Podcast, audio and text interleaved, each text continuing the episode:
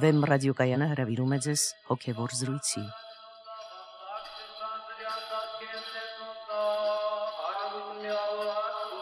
Սիրելի ունկնդիրներ, Վեմ ռադիոկայանի եթերում են արժանապատիվ Տեր Մեսրոպ Քահանա Արամյանը եւ Արա Սարգսակյան Նալչաջյանը։ Այսօր մենք կզրուցենք մենակության կամ միայնակության մասին։ Օրհնեցեք Տեր հայր։ Աստված օրհնի։ Տեր հայր, մեր թղթակիցը դիմել է մարդկանց հետեւյալ հարցով. Ձեր կյանքում լինում են պահեր, երբ դուք ձեզ միայնակ ու լքված եք զգում։ Լսենք հարցվողների պատասխանները։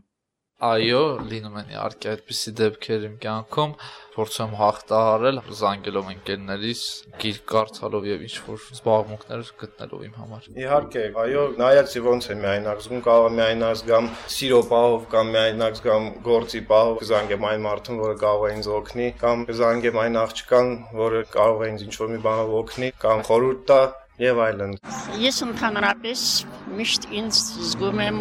massայի հետ միասին ինքս վաստակաշատ մանկավարժեմ եւ շրջապատված եմ եւ իմ երեխաների եւ իմ շրջապատի հոգատարությամբ միայնակությունը երբևիցե ես չեմ զգում միայն զգում եմ այն ժամանակ երբ արթնանում եմ տեսնում եմ անկողնում ես մենակ եմ շրջապատում ոչով չկա Պահել լինում են երբ որ զգում ես մենակ վատ տրամադրության դեպքում այդպես բաներ լինում են Չէ, դերևս չի եղել նման դեպք։ Այո, չեմ շղթի, որ լինում են նման դեպքեր, հատկապես կապված որոշակի խնդիրների հետ, երբ լուծման ճանապարհները չես գտնում, եւ ստացվում է այնպես, որ միայնակ ես զգում։ Այո, պատահում են դեպքեր, որ միայնակ եմ զգում ես։ Դա կախված է ինչ որ հոգեոր ապրումների հետ կամ ինչ որ որոշ խնդիրների հետ։ Ունեմ ամեն երեխաներ, կին, թորներ, որտեղս միայնակ զգամ։ Աշխատանք ունեմ, շրջապատված եմ լավ հարևաններով, լավ ընկերներով, լավ աշխատանքային ընկերներով, այնպես որ միայնակ ոչ մի դեպքում չեմ եղել։ Տերհեջ, ինչպես տեսանք, մեր հարցման մասնակիցները որոշ բացառություններով խոստովանում էին, որ իրենք հաճախ են միայնակության զգացում ունենում։ Ինչպես կարելի է բացատրել միայնակության այս զգացումը ըստ քրիստոնեական վարդապետության։ Միայնակության զգացողություն իսկապես մարդը հաճախ է ունենում իր կյանքում եւ հատկապես այդ միայնակության զգացողության մասին խոսում են ավելի վերջին ժամանակների հետ կապված։ Ավելի վերջին ժամանակներում մարդը առավել օտարացած է զգում Աստծո արարչությունից, Աստծուց, նամանավանդ գիտեք, որ 20-րդ դարը անաստվածության, այսպես դարաշրջան կարելի անվանել, եւ կորցնելով հոգեվոր տեսանկյունից այդ լծվածությունը, մարդը հայտնվում է մենակության վիճակում։ Իհարկե մարդը փորձում է այդ մենակության իր զգացողությունը լցնել այլ բաներով օրինակ հասարակական կյանքի ակտիվությամբ ինչպես տեսակ հարցին պատասխանողներից շատերը ասում էին որ իրենք ժամանակ չունեն մենակ զգալու բայց միևնույն է երբեմն երբեմն իրենք զգալու են կա մենակությունը արհեստականորեն լցնելու երևույթ երբ որ դու քո մենակությունը փորձում ես փոխարինել մարդկային հարաբերություններով, նույնիսկ անհարկի հարաբերություններով, չափից ավելի փորձում ես ինտեգրացվես հասարակական կյանքի մեջ։ Այստեղ տեղի ունենում անհատականության տարածում առհասարակ հասարակական կյանքի մեջ եւ դու առհասարակ չես ուզում նայել ինքդ քո վրա չես ուզում մենակ լինել լուրջ դիտել քո ներաշխարը ի վերջո լրջորեն հասկանալ ով ես դու եւ ինչի համար ես դու կոչված այսպիսի բաներով մարդը շատ հաճախ կարող է իրեն խափել եւ դրանով ինքը ինչ որ ձևով լուծել իր մենակության խնդիրը Այսինքն լինելով խորապես մենակ, ինքը ջանում է չկենտրոնանալ այդ խնդրի վրա եւ այդ իր մենակությունը փոխարինել պարզապես մարդկային հարաբերությունների չափազանց մեծ ակտիվությամբ։ Այսինքն իր ներքին այդ հոգեկան տարապանքը մեղմացնելու համար։ Այո, որովհետեւ մենակության զգացողությունը ինքը եթե դա տրված չէ Աստծով, կամ դա հոգևոր ընտրության ճանապարհ չէ, դա կարող է մարդուն տանել անելանելի վիճակների, դեպրեսիվ վիճակների, ահավոր վիճակների, որովհետև Աստծով չլցված մենակություն ուղակի կարելի է բնորոշել որպես հոգեկան խավար, եւ մարդիկ փախնում են այդ խավարից, խուսափում են այդ խավարի մեջ ընկղմվել։ Իհարկե նրանք, ովքեր որ քաջություն ունեն, շարժվում են այդ ճանապարհով։ Այսինքն հանուն Աստծո ընտրում են այդ ճանապարհը եւ լրջորեն սկսում են զբաղվել իրենց հոգիների ազատագրմամբ, արդեն ազատագրման ճանապարհ է, բայց դա անում են այն մարդիկ, ովքեր ունեն հոգու գիտակցություն, ովքեր հասկանում են ինչ է ազատությունը եւ ովքեր հասկանում են ինչի համար է առհասարակ մարդ հարարածը ստեղծված Աստծո կողմից։ Ուրեմն ապրելով հասարակական կյանքում մարդը շատ հաճախ իր համար ստեղծում է պատրանքային վիճակներ, կեղծիքների վիճակներ եւ փորձում է անընդհատ դրանով լցնել իր կյանքը։ Օրինակ հոգեպես ինքը տխուր է, ինքը փորձում է արտաքին ուրախություններով լցնել ոչ թե փորձում է ներսից ձեռք բերել այդ աստվածային ուրախությունը, Աստծո հետ լինելու ուրախությունը, կյանքի իրական լույսը, այլ փորձում է արտաքին ուրախություններով լցնել։ Դրանով մարդու հոգին երբեք չի կարող մինչև վերջ գոհանալ գոհացում ապրել։ Դրա համար այդ process-ը պետք է դարձնել շարունակական, որպեսզի դու առհասարակ կորցնես ներքին կենտրոնացումը, չկենտրոնանաս ներքին որևէ լուրջ խնդրի վրա։ Կոնկրետ ինչպիսի ապրումներ է ունենում մարդ, երբ իրեն միայնակ է զգում։ Մեր թղթակից Նոյեմի Անդրեասյանն այս թեմայով զրուցել է մի օրիորդի հետ, որն անձնական փորձառությամբ ծանոթ լինելով միայնակության զգացմանը, ապրելով այդ տառապանքը, համաձայնություն էր հայտնել իր ապրումներն ու դրանց վերաբերյալ իր մտորումները կիսել ունկնդիրների հետ։ Լսենք ռեպորտաժը։ Դու ապրում ես մարդկանց մեջ, սակայն քեզ մենակ ես զգում, ինչու՞։ Երբեմն ես ինձ մենակ եմ զգում, բայց աշխատում եմ այդ մենակության հետ դեզու գտնել ու հասկանալ, որ այդ մենակությունը ուղղակի ամեն մարդու բաժին մենակության զգացումն է ու ամեն մեկը այդ զգացումը ունենում է։ Անձամբ ես ունեմ շատ մտերիմ մարդիկ, ունեմ ընկերներ, լավ, բայց լինում են դեպքեր, երբ որ ինձ ես մենակ եմ զգում։ Եթե փորձես բացատրել, ինչ է մենակությունը։ Ինձ թվում է այդ մարդու հոգու մենակությունն է, այդ մենակությամբ մենք գալիս ենք աշխարհ ու այդ մենակությամբ գնում ենք։ Ուղղակի քանի որ դա մեր հոգու ինչ որ մի մասն է կազմում իմ կարծիքով, ինչպես մնացած բոլոր մասերը մեր հոգու, այդ էլ նույնպես մենք պիտի սիրենք, ու այդ մենակության զգացման հետ էլ պիտի հաշտ լինենք։ Պետք է ինձ թվում է չխառնել արտաքին մենակությունը եւ ներսի քո անձնական, քո ներսի աշխարհի մենակությունը, երբ որ դու ներսում ինքդ քեզ կարող է մենակ զգաս, նույնիսկ ընկերներից շրջապատում քեզ համար շատ սիրելի մարդկանց հետ, հանկարծ քեզ մենակ զգաս։ Սկսես զգալ այդ մենակության ամբողջ էությունը։ Քո խոսքերից ես այնպես եմ հասկանում, որ դու նման զգացողություն ապրել ես։ Բնականաբար ապրել եմ, ապրում եմ ու շատ անգամ եղել է, որ վախեցել եմ այդ մենակության զգացումից, սկսել եմ փախնել դրանից ու սկսել եմ ինքս ինձ ինչ որ կերպ սփոփել ու հույս տալ, որ այդ մենակությունը կանցնի եւ այլն եւ այլն, բայց ինչ որ պահ հասկացել եմ, որ դա էլ իմ մի մասն է ու իմ էության ինչ որ մի կողմն է կազմում ու դրանից պետք չէ փախչել ու այդ մենակության մեջ ապրում են բոլոր մարդիկ ու դրանից փորձում եմ արդեն չփախչել ու ինչ որտեղ նաև օգուտ քաղել այդ մենակության զգացում։ Ինչ օգուտներ ես քաղում։ Փորձում եմ այդ մենակության շնորհիվ հավասարակշռության գալ։ Երբ միայնակ էիր քեզ զգում, ինչ զգացողություններ ունեի։ Անդադ ինչ որ ճնշող զգացողություն կար, անդադ ինչ որ պակասի զգացողություն կար, զգում էի, որ ինչ որ մի բան պակասում է։ Ինչպես էլ անեի, գնում էի դասի, ինչ որ մարդկանց հետ շփվում էի ու այդ առօրյա շփումը չէր պակասում, բայց այդ ամեն ինչը շատ դատարկ էր ու ոչ մի կերպ իմ պակասը չէր լրացնում ու ինչ որ մի հատ մտերիմ մարդու, մտերիմ մարդկանց հոգիների կարիք էի զգում ու քանի գնում էր այդ ցանկությունը ու կարիքը ոչ թե պակասում էր, այլ անդադ ավելի ու ավելի ավելանում էր ու ավելի շատ էի զգում, թե ինչքան ինչքան դժվար է ինձ ու ինչքան դժվար կլինի, եթե այս իրավիճակը ավելի շատ ձգվի։ Դեր հայր, ինչպես երևում է օրիորդի խոսքերից եւ ինչպես թերևս անձնական փորձառությամբ առիթ ենք ունեցել դա ճաշակելու եւ համոզվելու դրանում, մենակության զգացումը իսկապես ճնշում ու տառապանք է պատճառում մարդու հոգուն, մարդկային հոգուն։ Սակայն արդյոք այն կարելի է համարել մարդկային հոգուն բնորոշ մի հատկություն, Քրիստոնեական վարդապետությունը, եթե չեմ սխալվում, չի հաստատում այս գաղափարը։ Եթե ասում ենք, որ Աստված մարդուն արարելիս այդ զգացումը չի դրել նրա հոգում, այլ դա առաջ է եկել հետագայում մեղքի անկման եւ Աստծուց հեռանալու պատճառով։ Իսկապես մեղքի անկման հետևանքով, Աստծուց օտարանալու հետևանքով մարդը ձեռք է բերել ներքին մենակության շատ սուր զգացողություն։ Եվ քանի դեռ մարդը չի միավորվել Աստծո հետ, չի ձեռք բերել Աստծուն իր մեջ, այդ երկնքի արխայությունը չի բացահայտել իր մեջ այդ մենակության զգացողությունը հետապնդելու է իրեն դա ըստ էության օտարացումն է խորթությունն է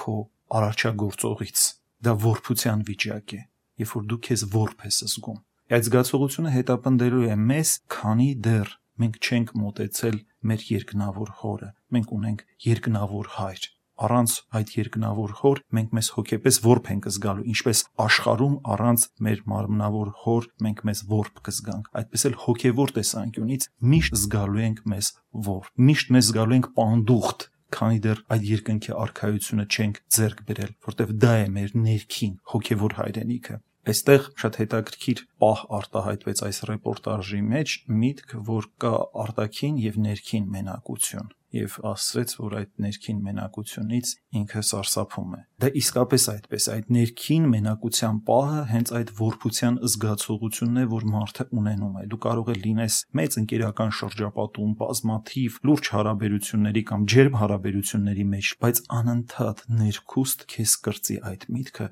որ դու մենակ ես, որ դու որբ ես որովհետև դու կապված չես քո պատճառի հետ, քո սկզբնապատճառի հետ, քո արարչի հետ, որը լույսով է լցնում քո էությունը։ Սա շատ լուրջ զգացողություն է, բայց որպեսի նաև գազ դեպի այդ իրողությունը, դու պետք է խուսափես արտաքին աղմուկից, այս աշխարհի հարաբերությունների աղմուկից եւ պետք է լռություն ձեռք բերես։ Իսկ այդ լռությունը առանց մենակության չի լինում։ Միայն այդ հոգեվոր ներքին լռության մեջ դու կարող ես հասկանալ քո կյանքի կոչումը եւ հասկանալ, որ դու առանց Աստծո չես կարող ապրել այս աշխարհում։ Աստված է, որ լցնում է քո կյանքը։ Աստված է, որ քո կյանքի մեջ իմաստ է դնում։ Եվ վերջո Աստված է քո կյանքի էությունը։ Այս պատճառով շատ կարևոր է նաև անդրադառնալ մեր քրիստոսաբանական խոստովանությանը, որը ըստ էության եկեղեցագիտական է, որ մենք բոլորս մի ենք ի Տեր մեր Հիսուս Քրիստոս բոլոր հավատացյալները միավորված են մեկ Տեր Հիսուս Քրիստոսի մեջ։ Ոչ թե սա ինչ որ արտաքին հարաբերությունների միություն է կամ հասարակական ինչ որ հարաբերությունների միություն է, սա էական միություն է, որովհետև Քրիստոս դարձել է մեզ պես մարդ եւ ազատագրել է մեզ մեղքի դատապարտվածությունից, այդ մենակության դատապարտվածությունից։ Եվ մենք կենթանի քարերն ենք Քրիստոսի եկեղեցու կամ նրա խորհրդական մարմնի, եւ մենք միավորված ենք ի Քրիստոս Այսինքն եւ Քրիստոսի հետ ենք միավորված եւ իրար հետ Քրիստոսով։ Այո, եւ սա նշանակում է, որ ճշմարիտ մենակության հաղթահարումը եկեղեցացման ճանապարհն է։ Այսինքն մարդը ոչ թե պետք է դառնա հասարակական կյանքի մի էլեմենտ, այլ պետք է դառնա եկեղեցու ճշմարիտ անդամ, որտեղ այս անգամ ինքը եւ բոլոր մարդկանց հետ միավորված է Քրիստոսով եւ Աստծո հետ է կապված, Աստծո սիրով է կապված։ Ինչպես մենք տեսնում ենք, օրինակ, ամենամեծ պատվիրան ասում է՝ «Սիրիր քո Տեր Աստծուն», հետո «Սիրիր քո եղբորը»։ Ճիշտ է, ասում է, եթե եղբորը չես սիրում, ինչպես դու կարող ես ասել, որ սիրում ես անտեսանելի Աստծուն, բայց այնուամենայնիվ սիրո ճանապարհը վերևից ներքև է, ոչ թե ներքևից վերև։ Այսինքն, եթե դու Աստծուն չես սիրում, չես կարող եղբորդ սիրել, որտեղ եղբորդ սիրելու համար դու պետք է կապված լինես սիրո աղբյուրին, Աստծուն, նոր դրանից հետո դու կարող ես իսկապես սիրել քո եղբորը։ Ուրեմն որպեսի մենք հաղթահարենք նաև մենակության զգացողությունը կամ այդ օտարության զգացողությունը մեր արդեն մարդկային կյանքի մեջ մենք նորից պետք է կապ ունենանք մեր Տեր Հիսուս Քրիստոսի հետ, որի սուրբ մարդեղությամբ, այսինքն մարդկային բնություն ստանալով առհասարակ նաև լուծված է թե մեր ինքնության խնդիրը, եւ թե մեր մենակության խնդիրը։ Այդ օտարությունը վերծված է մեզանից։ Եվ մեր կյանքը միայն իմաստ ունի մեր Տեր Հիսուս Քրիստոսի մեջ, մեր Տեր Հիսուս Քրիստոսով։ Սա է ճշմարիտ միավորման կամ այդ մենակության հաղթահարման ճանապարհը։ Տեր հայր, մենակության զգացման մասին, այդ զգացողության մասին հոգեբանական գիտության տեսանկյունից իր մեկնաբանություններն է անում Երևանի Պետական Համալսարանի հոգեբանության ամբիոնի դոցենտ Սվետլանա Հարությունյանը։ Լսենք ռեպորտաժը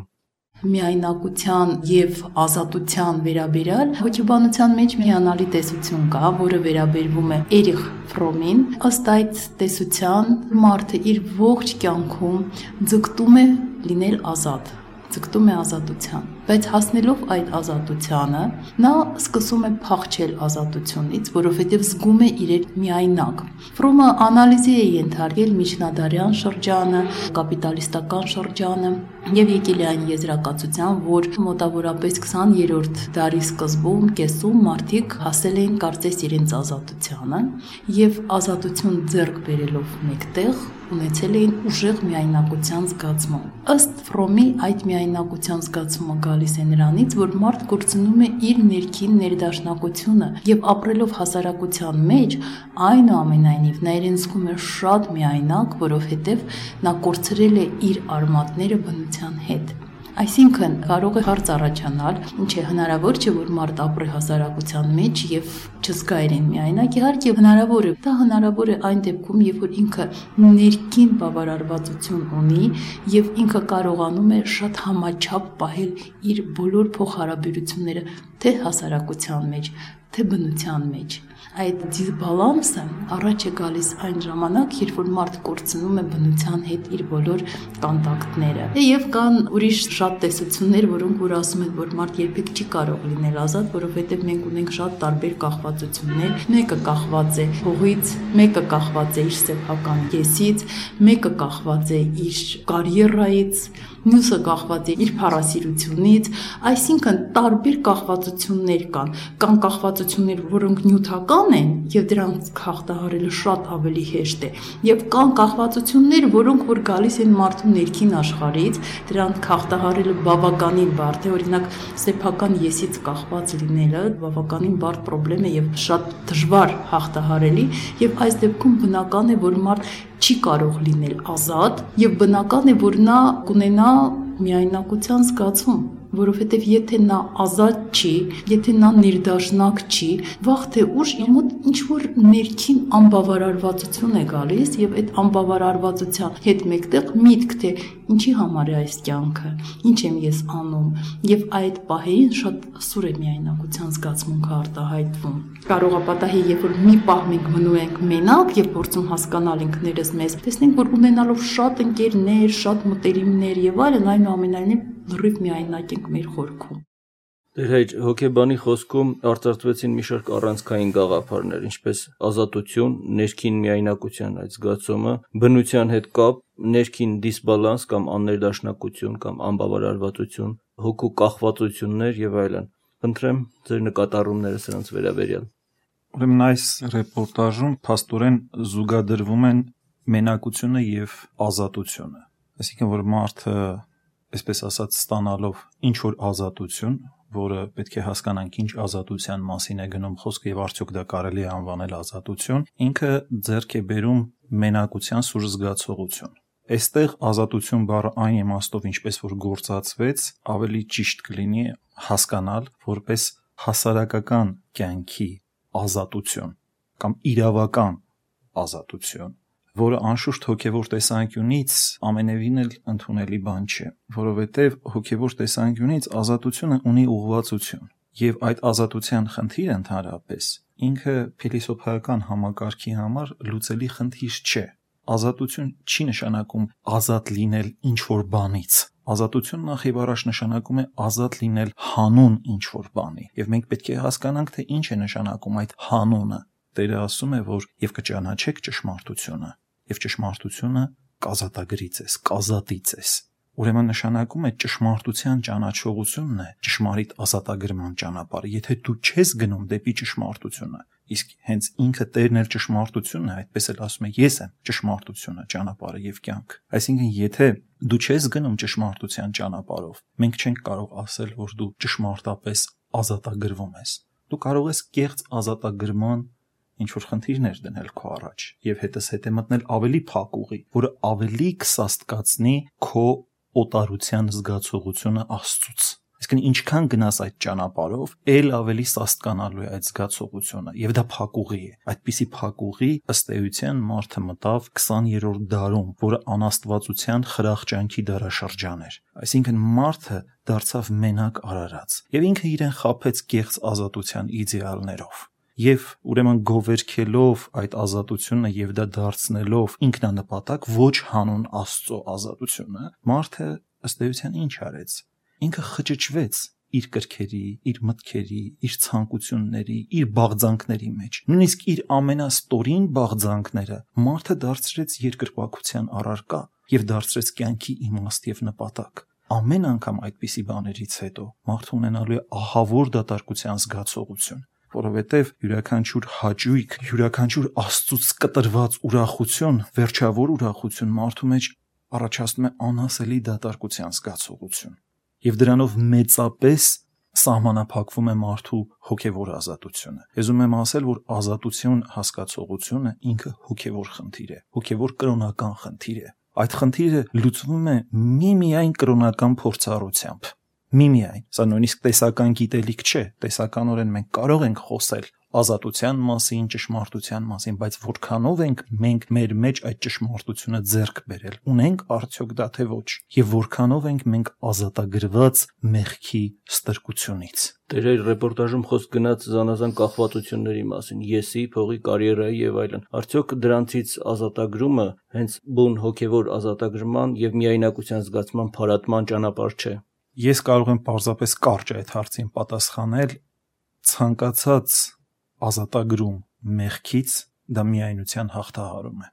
Ուղակի մարդը պետք է ազատագրվի մեղքից եւ պատճառը այն է որ ինչու է օրինակ մարդը իրեն շատ ծանր զգում մենակ ժամանակ որտեվ իր վրա դրված է ահրելի մեղքի բեռ եւ օտարացում եթե ինքը լցված լինի լույսով իր հոգին կցնծա մենակ մնալուց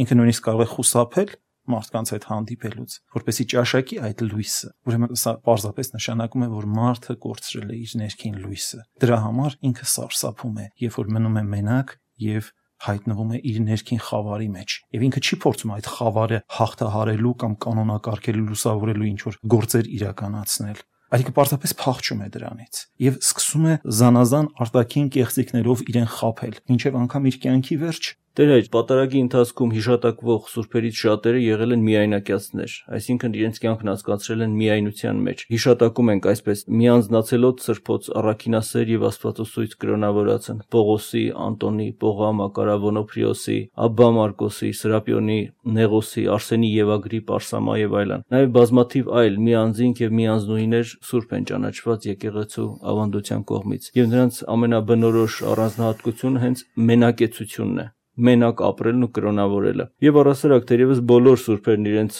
կյանքի որոշ շրջաններ կամ որոշ պահեր առանձնացել են միայնության մեջ ճգնելու, ինչպես մեր հավատքի հայրը Սուրբ Գրիգոր Լուսավորիչը կյանքի իր վերջին տարիները անցկացրեց առանձնացված մանյա այրում։ Ինչու է եկեղեցին դրվատանքով վերաբերվում միայնակեցության այս կենսակերպին, Միթե մենակ ապրելը նպաստավոր վիճակ չէ, որ մարդ իրեն մենակ զգա, ունենա այդ միայնակության զգացումը։ Չէ՞ որ այնուամենայնիվ ընկերները, մարդիկ մխիթարություն են, փարատելու մարդու միայնակությունը եւ յուրաքանչյուր մարդ փորձով կարող է համոզվել դրանում, եթե քիչ թե շատ երկար օրեր մենակ ապրի եւ ապա մարդ տեսնի ինչպես Իրանելի Աբա Մարկոսը, որ 95 տարի մարդ Արարատ ընդհանրապես չէր տեսել։ Կամ երբ մարդ կորցնում է իր սիրելիին, վերջինիս բացակայությունը միայնակության զգացում է առաջացնում նրա մեջ իսկապես մարդը կարող է մարդկային հարաբերությունների մեջ գտնել որոշակի հոգևոր մխիթարություններ օրինակ թե միասնաբար աղոթելով, թե միասնաբար արքինություններ գործելով մոտենալ Աստծուն։ Երբեմն մարդիկ իրար մեծապես օգնում են փրկության ճանապարհով ընթանալիս, բայց միշտ չէ որ այդպես է լինում։ Նաև մարդիկ միմյանց համար կատարում են վատ գործեր, այսինքն խանգարում են միմյանց փրկությանը։ Եվ այլ, եւ այդպիսի դեպքեր էլ շատ կա նամանավանդ երբ որ առհասարակ հասարակական կյանքի հարաբերությունների բնույթն է դառնում այդպիսին երբ որ մարդկային հարաբերությունները չափից դուրս լցված են կեղծիքով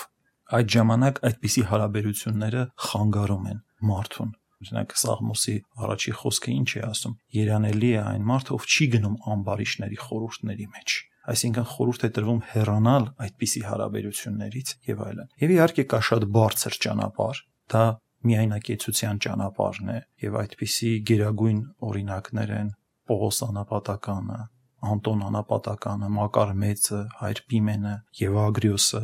եւ այլ մեծանուն անապատական հայրեր, որոնք ըստ էության ցույց տվեցին քրիստոնեական ճկնակեցության այսպիսի գագաթնային վիճակները ամբողջ այդ մենակեցության արվեստը եւ հասան զարմանալի խորության։ Չկա մարդ, որ այսօր կարդա նրանց գրվածքները եւ չհիանա չհիանա հոգևոր կյանքի ճանաչողության այդպիսի զարմանալի խորությամբ։ Թվում եմ, թե մարդը մի քանի 100 տարի ապրի, դրա մեկ մասը չի կարող ճաշակել, ինչ որ այդ անապատական հայրերը ճաշակել են եւ արտացոլել են իրենց լուսավոր խոսքերում։ Բայց այդ մենակության զգացողությունը արդեն հանուն Աստծո այդ մենակության գնալը ամեն մեկի տրված ճանապարհ չի դա նախ պետք է մարդուն տրված լինի դու պետք է հասկանաս որ սա է քո կոչումը կամ այսպես ասած աստիճան առ աստիճան գնաս դեպի դա մենք տեսնում ենք սա նրանցից բոլորի կյանքում որ սա եղել է կանչ Աստծուց թերևս մեզ մարդկանց ցույց տալու մարդկային բնության այդ կատարյալ վիճակները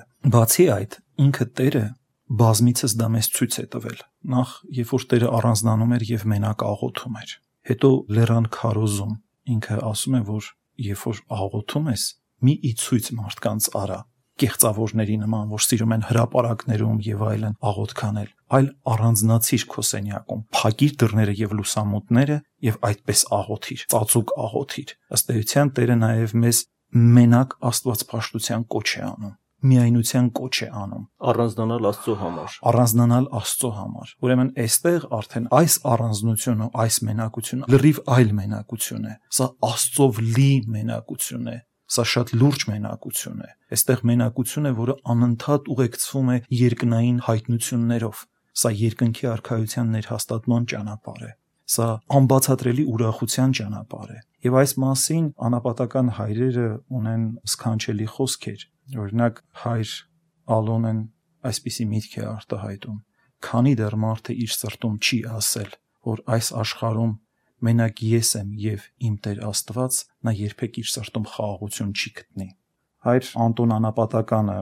ասում է, որ նա ով որ բնակվում է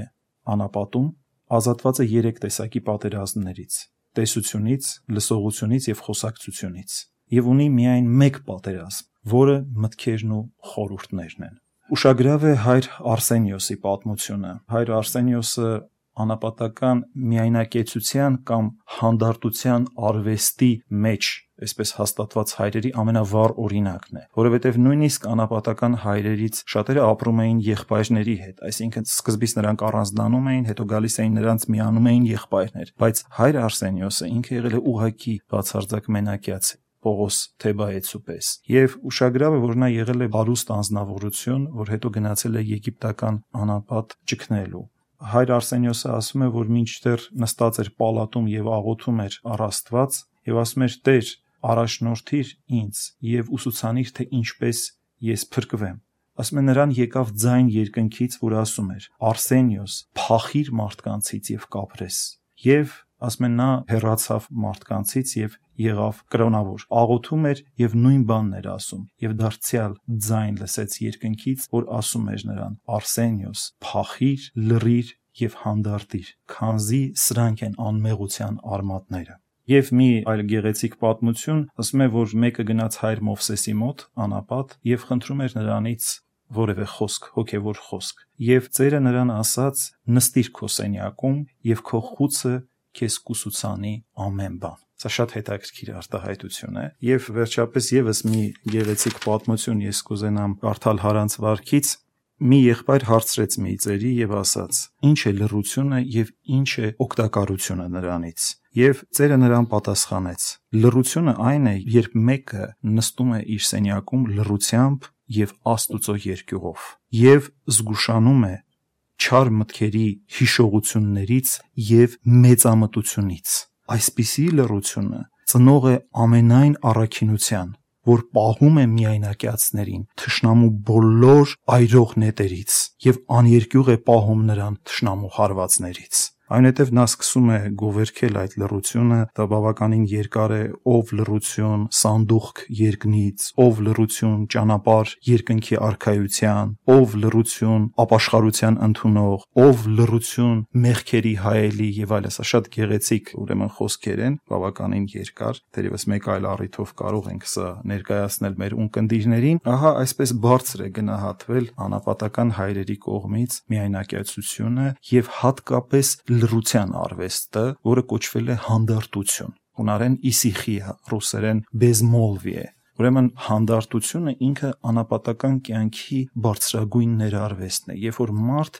մենակության մեջ խորը ճկնակեցությամբ Աստծո հետ է այլ կերպ ասած հանդարտությունը Աստծո հետ լինելու կամ Աստծո հետ առանձնանալու մի բարձր արվեստ է, որին տիրապետել են անապատական հայրերը եւ եղել են հանդարտության զանազան աստիճաններ, որի մասին նրանք խոսում են։ Դա շատ լուրջ հոգեվոր ճանապարհ է եւ Դրանով անցել են շատ մարդիկ, մեզ ցույց տալով ընդհանրապես հոգևոր կյանքի ուղին, հոգևոր կյանքի ուղղվածությունը։ Եվ այսպիսի լրությունը անշուշտ, այսպիսի մենակությունը, այսպիսի հանդարտությունը գովերքելի է, որտեղ մարդը մենակ չէ, մարդը լի է։ Եվ ոչ միայն լի է, այլ նրանից սրբություն է ճառագում։ Սրբություն է ճառագում եւ մեր կյանքը լցնում է սրբությամբ։ Այսպիսի մենակության անշուշտ մենք պետք է ձգտենք, որտեղ Տերը ինքն է ուսուցանում եւ չպետք է փախնենք այդ մենակությունից, բայց սրա համար պետք է արիություն, սրա համար պետք է քաջություն, սրա համար մարդը պետք է լի լինի վճռականությամբ ի վերջո կարգ ու կանոն հաստատելու իր ներսում, բացահայտելու իր ով լինելը, իր բուն կոչումը եւ այլն։ Տեր եւ եւս մի վերջին հարց, արարելով առաջին մարդուն Տեր Աստված ասաց. «Լավ չէ, որ մարդը միայնակ լինի։ Արարենք նրա նմանությամբ օգնականի նրա համար»։ Այսպես Աստված արարեց կնոջը տղամարդու միայնակությունը փարատելու համար, եւ սա եղավ նախքան մարդու մեղանչելը։ Ուրեմն, թեև նախքան մեղանչելը Ադամը վայելում էր Աստծո ընկերակցությունը, այդ հանդարտությունը, ներքին ուրախությունը, որի մասին արդեն դուք ասացիք, սակայն այդուհանդերձ Աստված նրան միայնակ համարելով որպես կյանքի ընկեր է տալիս կնոջը։ Այդ դեպքում էլ ինչու ենք ասում, թե մենակության զգացումը առաջ եկավ մեղքի անկումից հետո։ Մեղքի անկումից հետո եկավ մենակության այն զգացողությունը, որ դու կտրված ես Աստծուց։ Սա հոգևոր մենակության զգացողություն է ահա որ դա զգացողություն է դա ըստեյության հոգու խավարային այդ վիճակն է Բայց այդ պատմության մեջ, երբ որ Ադամին Աստված տվեց կյանքի ինկեր, սա նույնպես շատ կարևոր բան է։ Ընդհանրապես հոգևոր կյանքի մեջ մենք շատ հաճախ օգնում ենք իրար փրկության ճանապարհով գնալու։ Շատ հաճախ մենք նույնիսկ օգնում ենք իրար այդ ներքին օտարացումը Աստծուց հաղթահարելու։ Եվ մարդը ինքը մենակ արարած չէ արարչության մեջ ինքը ինտեգրացված է արարչության մեջ եւ այդ արարչության հետ ճիշտ ներդաշնակության մեջ լինելով ինքը նաեւ ներդաշնակ վիճակի մեջ է հայտնվում իր արարչի հետ եւ շատ հաճախ մենք Պողոս Արաքյալն էլ է ասում որ Աստված աներևույթները երևելիներով է ցույց տալիս Այսինքն շատ հաճախ մենք ուսուցանվում ենք մարդկանցով։ Շատ հաճախ մենք մարդկանց միջոցով ենք ճանաչում Աստծո խորհուրդները։ Օրինակ, ասենք Աստված կարգեց հոգևորականների եւ նրանց տվեց կապելու եւ արྩակելու իշխանություն։ Ինչի համար Աստված տվեց այդ բանը երկրավոր մարդկանց։ Չէ որ դա կարող էր Աստված հրեշտակներով անել, կամ Տերը ինչու մարդկային մարմին առավ, ինչու ճշմարտապես մարդացավ, որպեսի նաև այդ հոգևորը խիստ իրական լինի մեզ համար։ Դրա համար հոգևորը նաև պահանջում է իրագործում այս կյանքում անպայման։ Եվ այդ իսկ պատճառով, երբ որ մարդը ուսուցանվում է արդեն մեկ այլ մարդու կողմից, որը ճաշակել է այդ ճշմարտությունը, նրա համար սա շատ ռեալ զգացողություն է շատ իրական զգացողություն է եւ մենք հատուկ կերպով մեր դավանության մեջ շեշտում ենք այն հանգամանքը, որ Սուրբ Հոգին բնակվել է սուրբերի մեջ եւ այդ սուրբերը դարեր շարունակ գործել են նույն գործերը, ինչ որ առաքյալներն են գործել, ինչ որ Տերն է գործել։ Դա նշանակում է հոգեվոր կյանքի շարունակականություն կա եւ իրագործում կա այս կյանքում։ Եվ այդ իրագործումները շատ կարեւոր են մեզ համար եւ հետեւաբար մարդկային հարաբերությունները եթե ճիշտ հիմքի վրա են դրվում այսինքն մենք նպաստում ենք միմյանց փրկությանը այդպիսի հարաբերությունները բարվոք են այդպիսի հարաբերությունների պետք է ձգտել եւ սա է եկեղեցու խորհուրդը եւ ոչ թե փախչել այդպիսի հարաբերություններից բայց շատ հաճախ մարդկային հարաբերությունները այդպիսի բնույթ չունեն այլ ունեն միմյանց խանգարող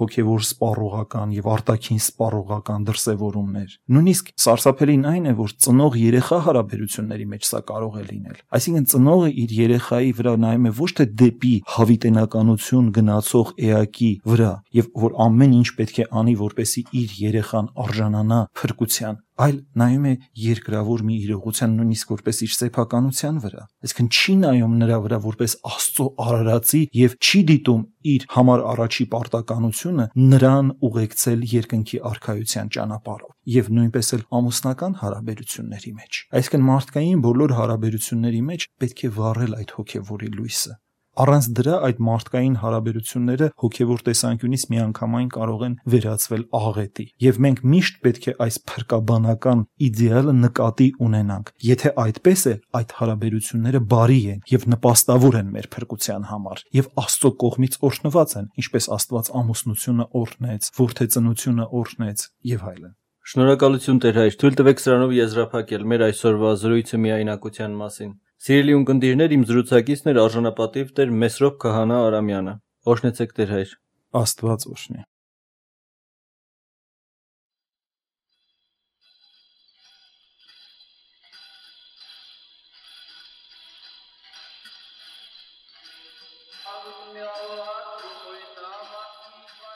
Հոգևոր զրույցներ հաղորդաշարի հերթական հաղորդումը վարեց Արաս Սարգսակ Նալչաջյանը։